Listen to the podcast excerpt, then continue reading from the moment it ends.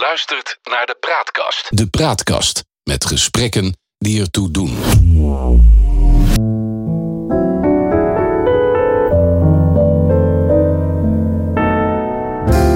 Welkom bij het Geheugenpaleis.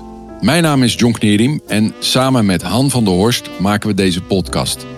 Dag Han, we gaan vandaag aflevering 5 maken. Uh, wat mij betreft uh, vol goede zin en vol goede moed. Heb jij er ook zin in? Zeker, en ik wens de luisteraars alvast veel plezier toe met uh, onze podcast. De geschiedenis die herhaalt zich nooit, maar rijmen doet hij vaak wel. In het Geheugenpaleis gebruiken we dat gegeven om dieper in te gaan op de actualiteit. Han die legt als historicus parallellen tussen heden en verleden bloot. En zo gaan we aan de waan van de dag voorbij en bereiken we de kern van het nieuws. Scheppen we orde in de maalstroom van berichten die het zicht op de grote lijn belemmeren. We ontdekken wat werkelijk belangrijk is. En tussen beide blijkt dat de werkelijkheid vaak genoeg elke fantasie te boven gaat. Het is mijn taak om Han in toom te houden, scherp te bevragen en puntig tegen te spreken. Vandaag dus aflevering 5.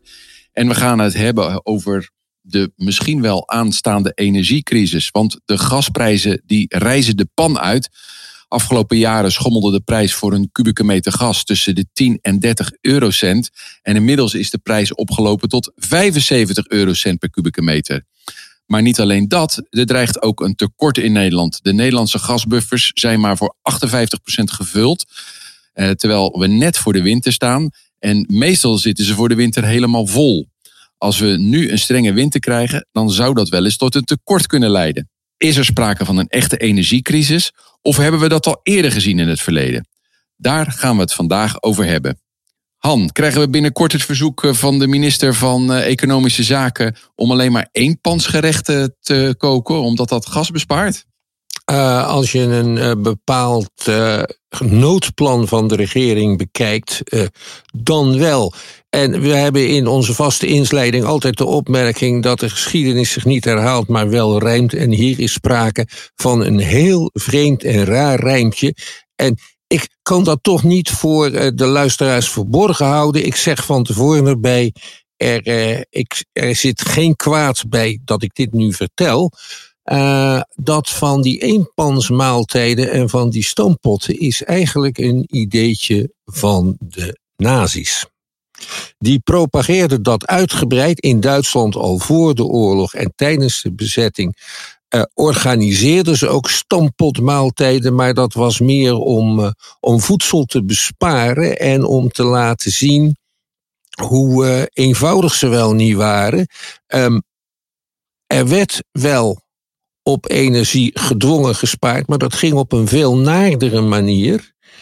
En die manier zou ook weer terug kunnen komen als er werkelijk een gastekort ontstaat. Dan wordt namelijk het bevel afgekondigd dat de consument maar 70% gas mag verbruiken uh, van de hoeveelheid die hij eerder verbruikte, laten we zeggen in het jaar 2019.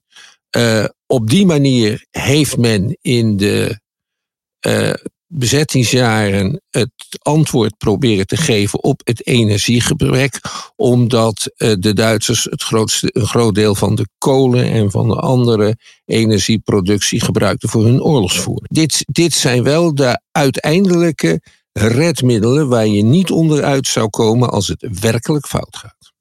Ja, eerst even naar eh, de oorzaken van het eh, tekort eh, op dit, dit moment.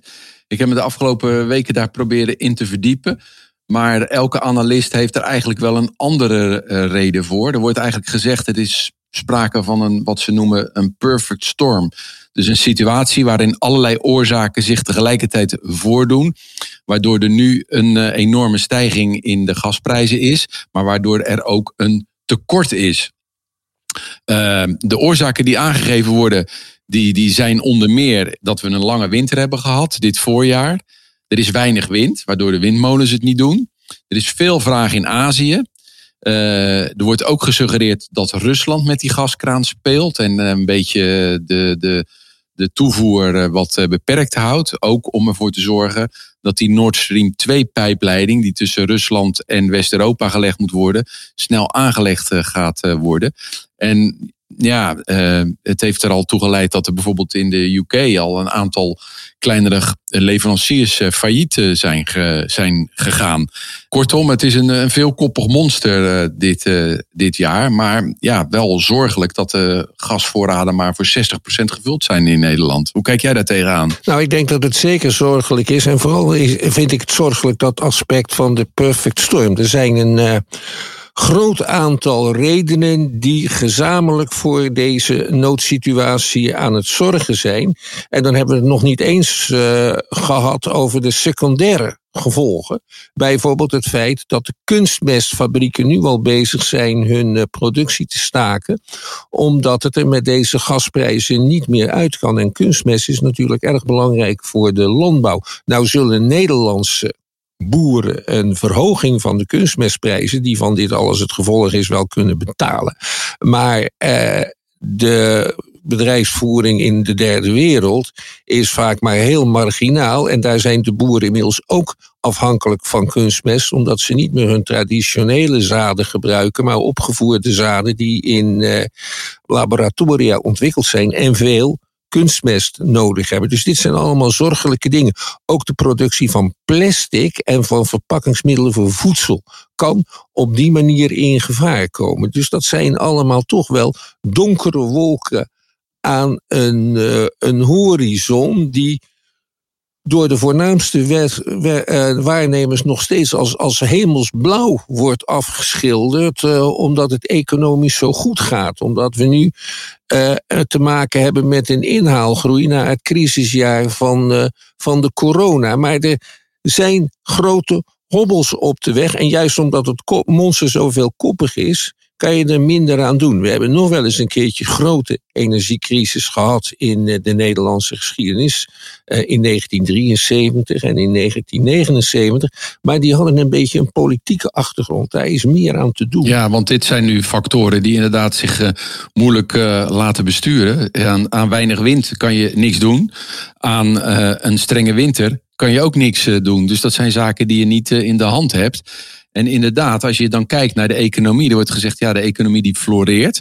Maar een gemiddeld gezin gaat de komende jaar 600, 700 euro meer aan gas eh, betalen.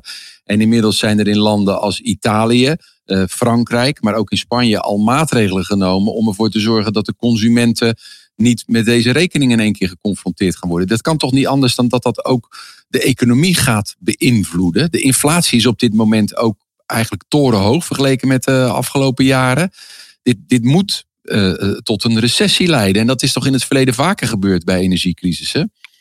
Dat is twee keer gebeurd uh, in de afgelopen 50 jaar. En vrij kort achter elkaar in 1973 en in 1979. Ik, dat had voornamelijk te maken met olieprijzen.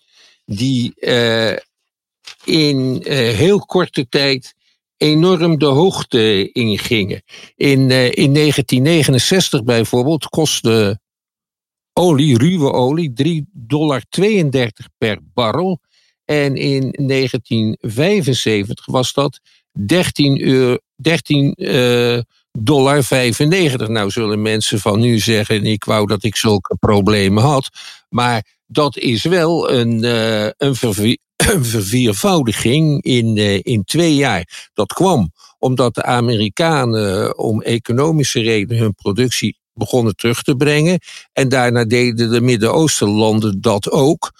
Om het Westen te treffen dat Israël had gesteund in de Yom Kippur-oorlog. Nederland heeft toen zelfs een tijdje te maken gehad met een uh, olieboycott door de Arabieren.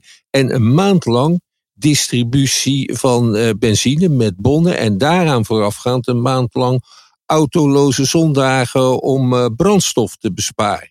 En ik herinner mij uit die tijd nog dat toen de eerste grote golf is gekomen van uh, het isoleren van huizen. En sindsdien beseften wij, leerden wij beseffen dat energie, dat dat duur was, dat dat geld kostte, dat je daar goed calculerend mee om moest gaan. Voor die tijd niet. Eh, in 1963 begon de productie van eh, het Nederlandse aardgeldveld in Slochteren. En minister De Paus, die dat allemaal op gang bracht, een CHU-minister, die uh, besloot dat met export Nederland die gasvoorraad zo snel mogelijk uit moest verkopen, want dan kon je er misschien nog een paar centen aan verdienen. En na die energiecrisis is die gedachte wel veranderd van dat je het zo snel mogelijk uit moest verkopen. In 1979 zijn de prijzen nog eens een keer geweldig de hoogte in gegaan. In 1977 kostte de ruwe olie 14 dollar 53 per barrel en in 1980 37 dollar 42. Dat lijkt al heel erg op de prijzen van uh, 2020. Toen was het 39 uh, dollar 60 en dat gold toen als een uh, hele lage prijs. Dus je ziet dat energie in het algemeen uh, steeds duurder is geworden, wel met afvlakkende perioden en soms met uh, dalingen. Maar toch is dit steeds meer een blok aan ons been. Ja, terwijl als je volgens mij in de geschiedenis uh, teruggaat, we in het uh, verleden, in het verre verleden, uh, ja, leefde volgens mij van paardenkracht en windenergie. Ja, dus dat is behoorlijk goed voor het milieu. je had in 1850 in Nederland had je ongeveer 9000 windmolens tegen 250 stoommachines. En verreweg de meeste schepen, zeker de zeeschepen, dat waren zeilschepen. Op de rivieren trof je al uh, raderboten aan en die onderhielden meestal de verbinding tussen uh, verschillende steden. Prachtige salonboten waren dat. Ik heb daar nog wel eens heimwee naar, dat je uitstekend zit te dineren op zo'n raderboot terwijl je langzaam van Arnhem naar Rotterdam vaart. Uh, dat, is een heel, dat is heel andere koek. In Londen in 1900 heb ik gevonden, uh, waren er 400.000 trekpaarden aan het werk. En dat in een stad met 4 miljoen inwoners. Zoveel inwoners had Londen toen. Dus zeg dat ze in Nederland in die tijd ook nog eens een, zeker een half miljoen uh, trekpaarden in bedrijf hadden. Die trekpaarden zijn nog wel in gebruik gebleven tot in de jaren 60 van de vorige eeuw. Want oudere Nederlanders die herinneren zich nog wel de groenteboer uh, met zijn paard en wagen en de schillenboer. Maar dat is nu allemaal verdwenen. Paarden zijn uh, sier- en luxe dieren geworden, maar ze waren essentieel voor het vervoer. Ik had het net over die 9000 molens. Ik moet erbij vertellen. Het gaat dan, we hebben het dan over een Nederland met 3 miljoen inwoners en zo'n 330.000 mensen die aan het werk zijn. En we hebben het over een levensstandaard. Eh, nou, Bangladesh moet je, eh, is misschien een wat overdreven vergelijking, maar men was in het algemeen heel wat armer. En we zijn van het gebruik van fossiele energie, van kolen, van olie en gas, ook wel heel erg welvarend geworden. Ja, want je, je ziet dat het een enorme vlucht uh, genomen heeft dan uh, eigenlijk vanaf het begin uh, van de vorige eeuw, denk ik zo'n beetje, toch? Nou ja, nou, laten we het zo zeggen. Uh, er waren al een kleine 3000 stoommachines in Nederland actief zo rond 1890. En uh, vanaf 1900 gaat het steeds sneller met dieselmotoren, uh, met elektriciteit. En dan zie je dat de welvaart zo 7, 8, 9 keer over de kop gaat. In welke periode? Uh, voornamelijk na de Tweede Wereldoorlog. En, dus in de, en tot 1914, in de jaren 20 en 30, ging het allemaal niet zo goed. Maar na de Tweede Wereldoorlog, dan komt er ineens een enorme groei van de welvaart. Ja, maar hadden we in die periode, zeg maar, dat, dat, dat we een overgang maakten van, van wind en paardenkracht naar stoommachines en naar elektriciteit. Is er toen ook wel sprake geweest van tekort, waardoor, waardoor je zou kunnen spreken van de energiecrisissen? Nee, niet echt, want het uh, ging om te beginnen heel langzaam. Nederland had ook nog het uh, voordeel van de wet op de remmende voorsprong. Ken je die wet? Jazeker. Ja, dat zorgt ervoor dat je, je loopt ergens in voorop.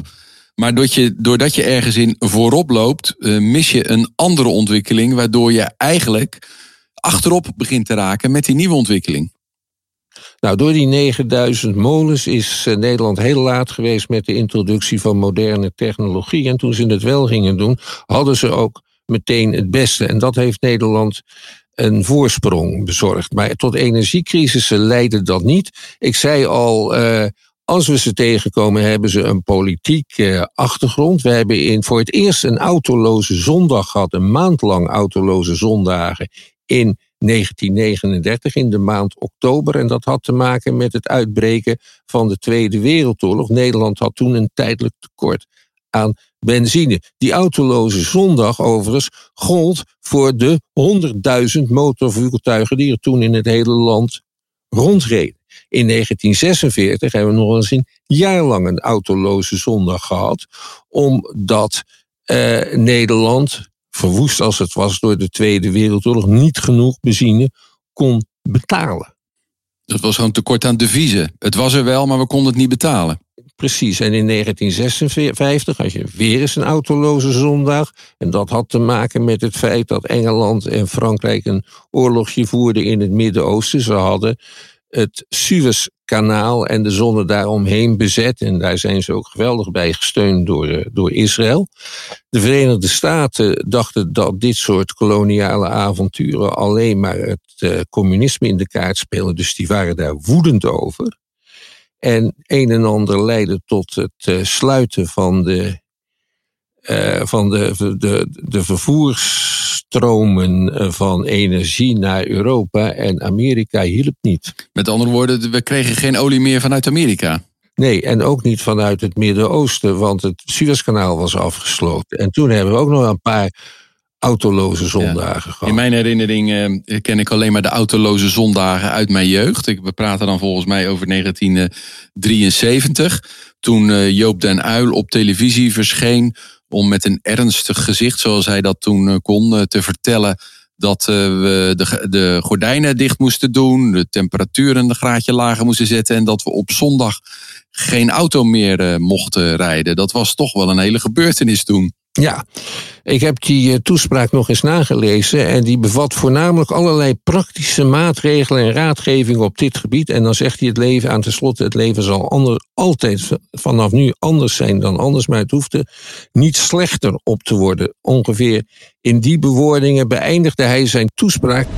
We moeten beseffen met elkaar dat we niet kunnen voortgaan met het verbruik van beperkte voorraden brandstoffen en grondstoffen zoals we dat in de laatste kwart eeuw hebben gedaan. Zo bezien keert de wereld van voor de oliecrisis niet terug. Wij zullen ons blijvend moeten instellen op een levensgedrag met een zuiniger gebruik van grondstoffen en energie. Daardoor zal ons bestaan veranderen. Bepaalde uitzichten vallen daardoor weg.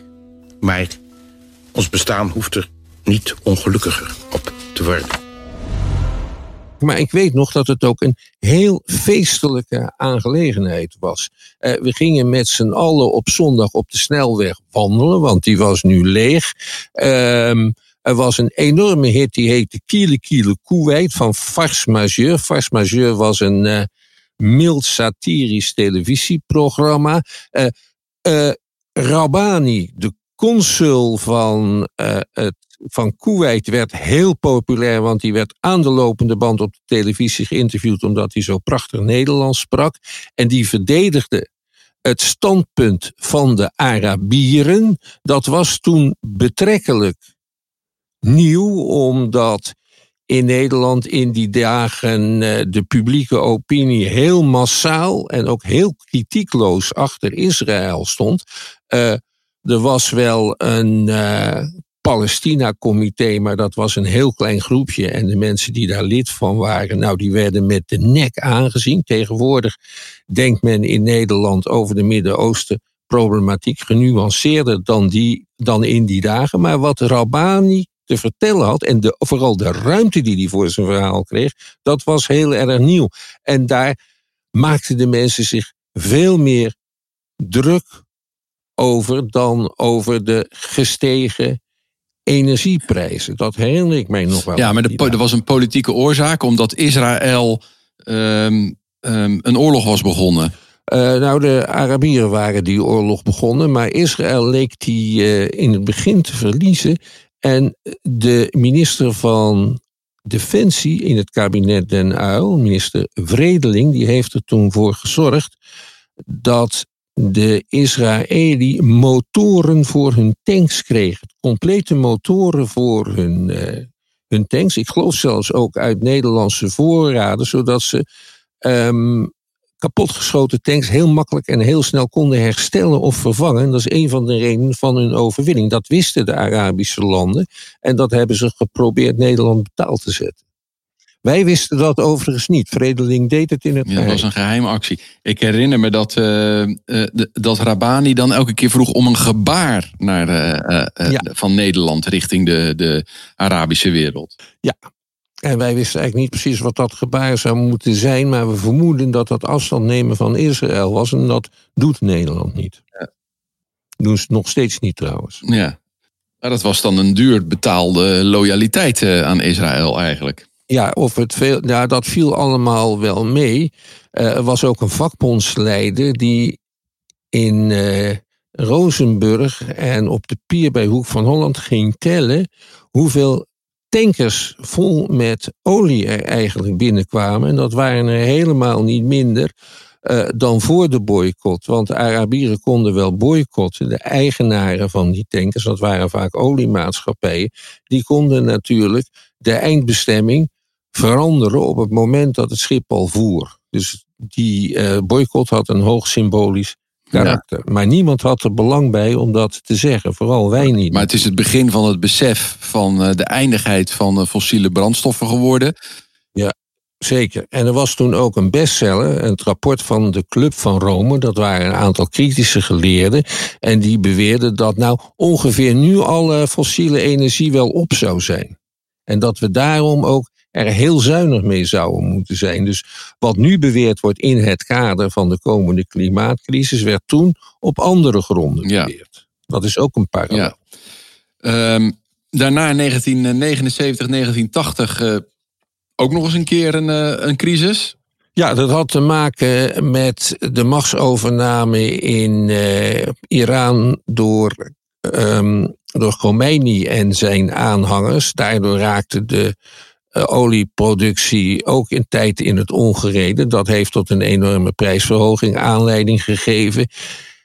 En die twee energiecrisis, die van 1973 en die van 1979, die hebben samen gezorgd voor de grote recessie uh, van de jaren 80. En uh, de no-nonsense politiek van Lubbers in Nederland om een einde te maken aan de enorme inflatie, want je had toen inflatiepercentages van 11%, en om het financieringstekort van Nederland terug te Ja, want de rente was toen ook een stuk hoger. Toen was het helemaal niet vreemd om je huis te financieren met een hypotheekrente van rond de 10%. Zijn er daarna nog uh, uh, crisissen geweest uh, in het energie, op het energiegebied? Eigenlijk niet meer. Dit is na 40 jaar de eerste echte volgens mij. Maar wat kunnen we dan nu leren van wat zich nu voordoet? En zal, zou het een aanjager kunnen zijn voor die energiewende? Uh, daar zal het zeker voor gebruikt worden. Ik denk dat sommige milieuactivisten het wel een aardig idee vinden dat het uh, gas zo duur wordt, tot ze merken dat ze moeite krijgen met het betalen van de huur. Maar nogmaals, dat is niet iets wat je in een paar jaar kunt doen. Er wordt ook nog wel eens uh, gesproken over het opnieuw inzetten van, uh, van kernenergie. We hebben in Nederland nog één oude kerncentrale in Borselen. Daar zouden er dan een paar bij moeten komen.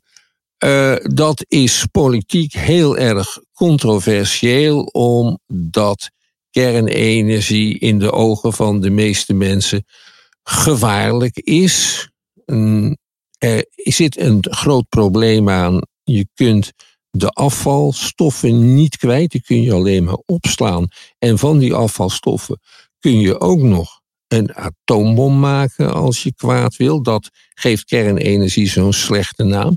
Als je gaat kijken naar het aantal slachtoffers dat valt in andere energiesectoren, dan schrik je wel. Dan blijkt bijvoorbeeld dat alleen al bij het delven van kolen er per jaar in de hele wereld ongeveer duizend slachtoffers vallen. En als je dan kijkt naar wat kernenergie aan rampen heeft opgeleverd, dat zijn er in de afgelopen 60 jaar misschien drie of vier. Aan de andere kant, het bouwen van een kerncentrale duurt heel lang. En het is ook heel erg duur. Dus onmiddellijke oplossingen, daar is kernenergie absoluut niet geschikt voor. En ik, eh, ik sta altijd een beetje in dubio als ik discussies lees, uh, woedende afwijzingen van kernenergie of aanbevelingen, dan, uh, ja, dan, dan houd ik mijn mening maar voor me. En dan zou ik eigenlijk het liefste willen luisteren naar vakdeskundigen, niet naar ideologen. En, uh, of politici. Ja, want dat is inderdaad een heel ideologisch gekleurd debat.